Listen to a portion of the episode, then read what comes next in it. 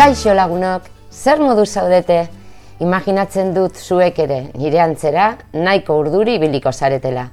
Badakizue, egun gutxi barru, gabonak izango dira. Urtero galdera berdina suertatzen zaigu abendua iristen denian. Zer eskatu olentzer hori? Ez daukat batere garbi. Ea lesioren abentura berria ezagutu bitartian, zerbait bururatzen zaidan. Uh, ai, mantxo maitea.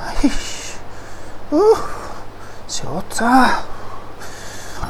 Zuek bizi zareten tokian, ez dakit ze temperatura izango duzuen, baina hemen itxaso zabalean eta abendu bete betean izugarrizko hotza egiten du. Uh, uh.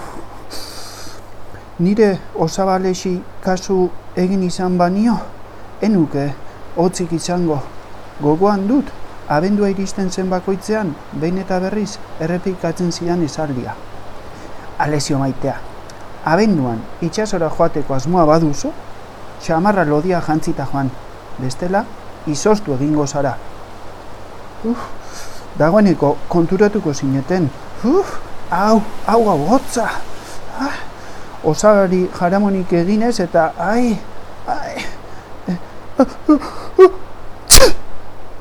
Txamara gabe, enaiz baitorri arrantzara. Hala ere, e, gauza bat izango dizuet. Nahiago dut, hotza pasa, txamarra hori jantzi baino. Ulertzen ez duenak, txamarra ikusi ez duelako da. Nori bururatuko zitzaion kolore hortako txamarra bat oparitzea.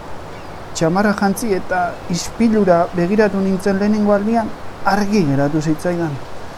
Ez dut sekula kolore hortako txamarri jantziko eta ulertu nahi ez duenak, ba, ulertu ez dezala. E, ez da, nire arazoa. Ah,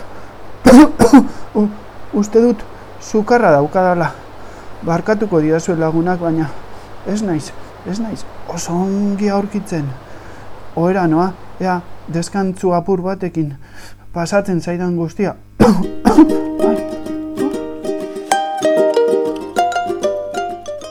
Txamarra berri bat, olentzer hori txamarra berri bat eskatuko diot gabonetarako.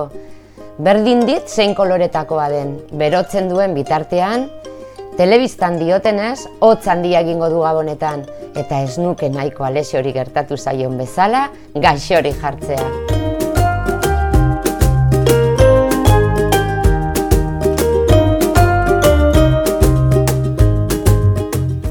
Entzun duzun podcast hau garoa liburu dendak egina da.